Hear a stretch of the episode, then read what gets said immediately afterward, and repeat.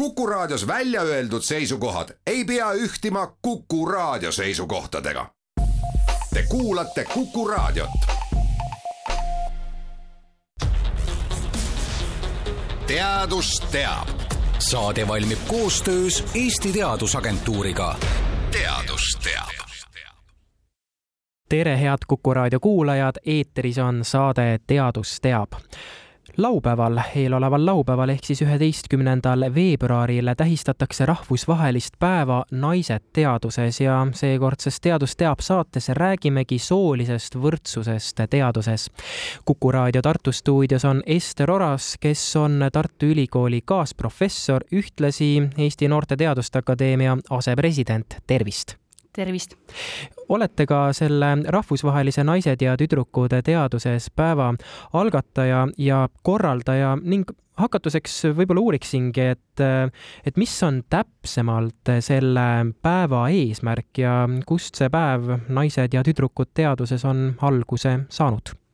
Ja see päev on tegelikult algatatud ÜRO poolt juba kahe tuhande viieteistkümnendal aastal ja sedapuhku siis toimub ta juba kaheksandat korda. ja tõepoolest, nagu, nagu sa eelnevalt ütlesid, et tege-, ametlik nimi on siis Naised ja tüdrukud teaduses, aga nii-öelda kõnekeelde on ta läinud ka Naised teaduses päeva nime all ja, ja see peamine e, eesmärk sellel päeval on just nimelt pöörata tähelepanu naisteadlastele. Ja see üks oluline probleemkoht, millega me siin pead murrame, on see, et naiste osakaal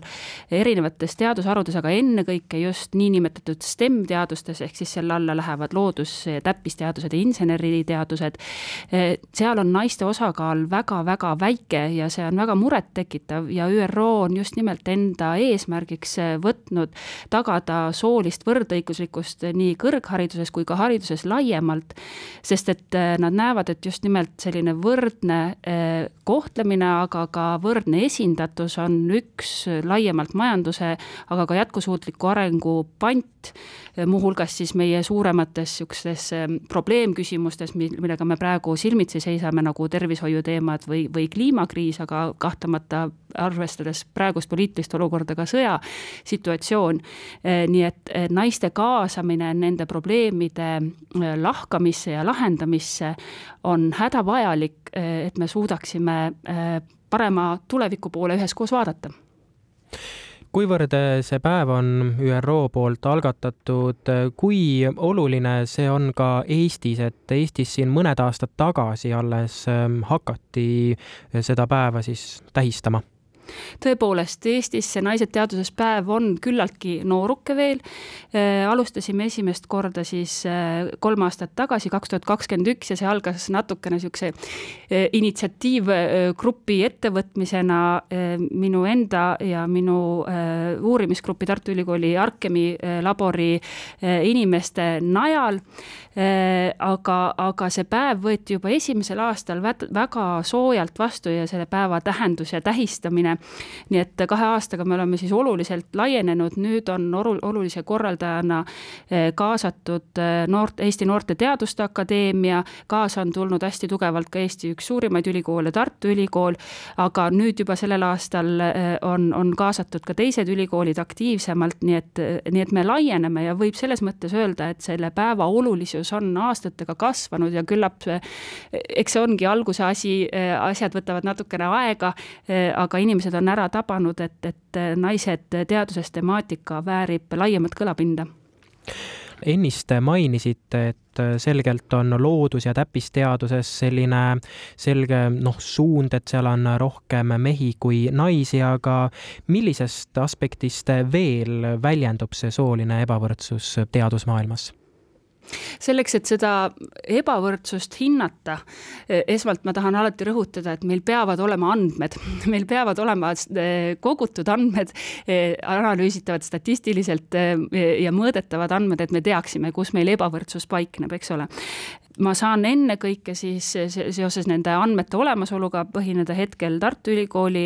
statistikal ja andmestikul, samas see on Eesti üks suurimaid avalik-õiguslikke ülikooli, ongi Eesti suurim, ja, ja seal on kaasatud väga erinevad valdkonnad. Ja me võime siin rääkida väga erinevatest aspektidest, aga võib-olla alustuseks ja traditsiooniliselt palgalõhe on kogu ühiskonnas, eks ole, teada teema,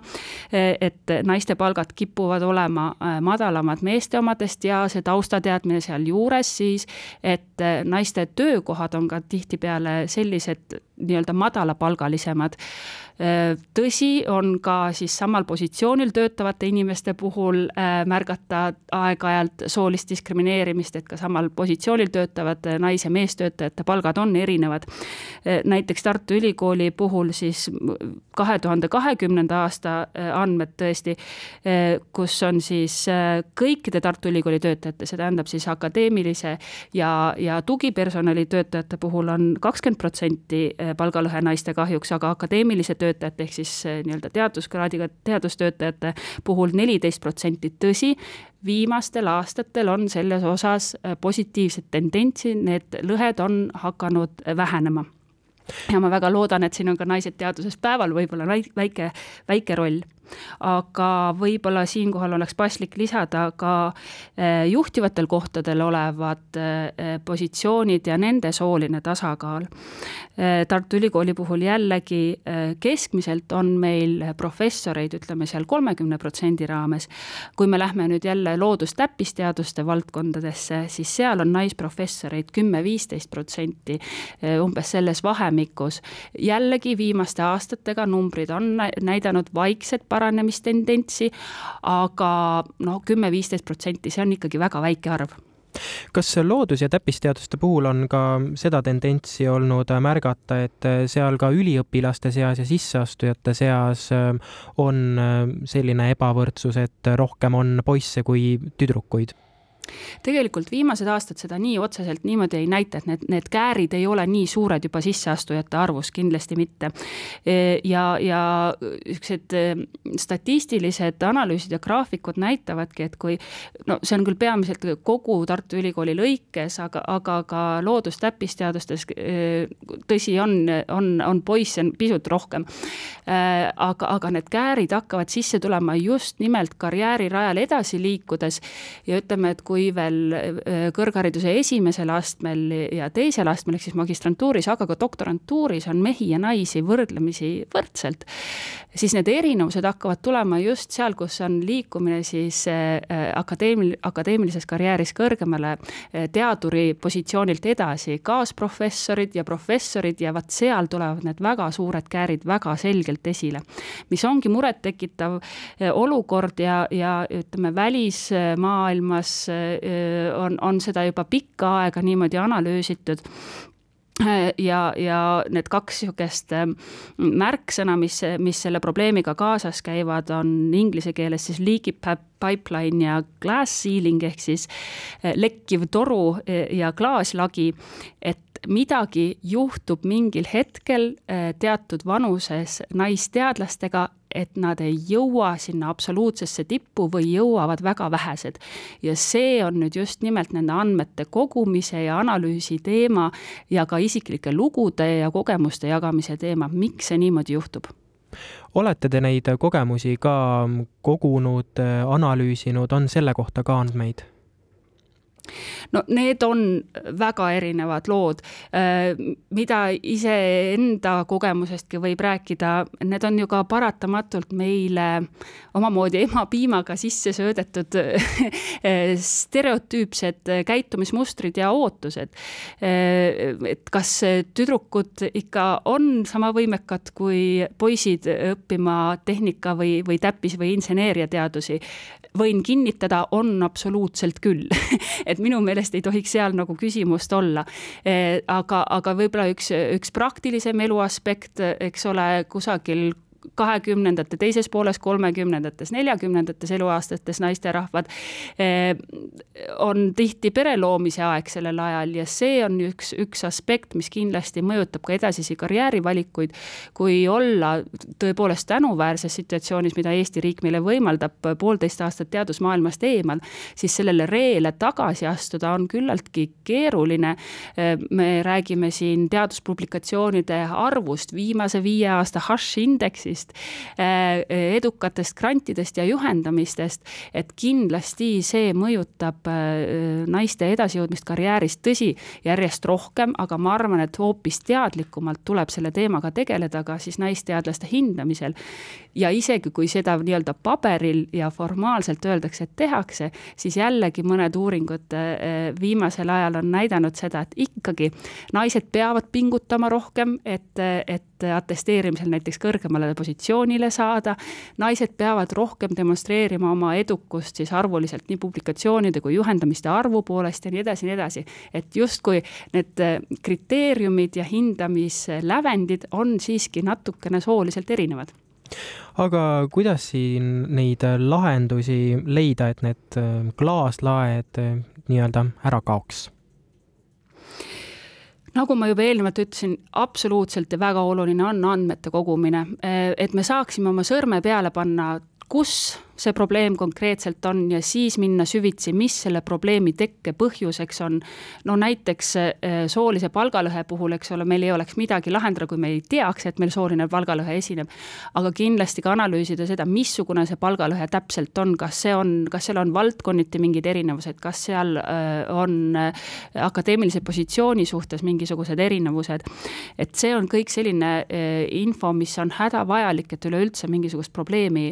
lahendama hakata ja ma tean, et Tartu Ülikool on näiteks võtnud oma üheks selle aasta eesmärgiks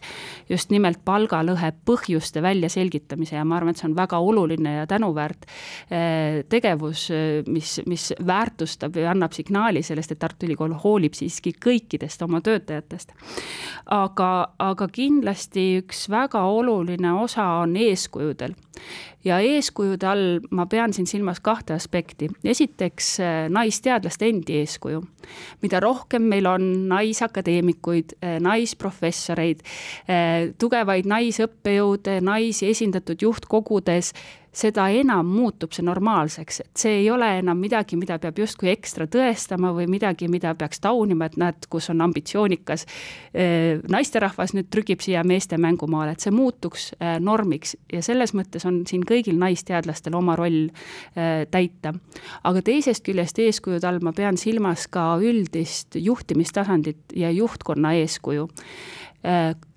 et selleks, et äh, mingisugused protsessid, äh, seisukohad, stereotüübid hakkaksid muutuma ja murduma,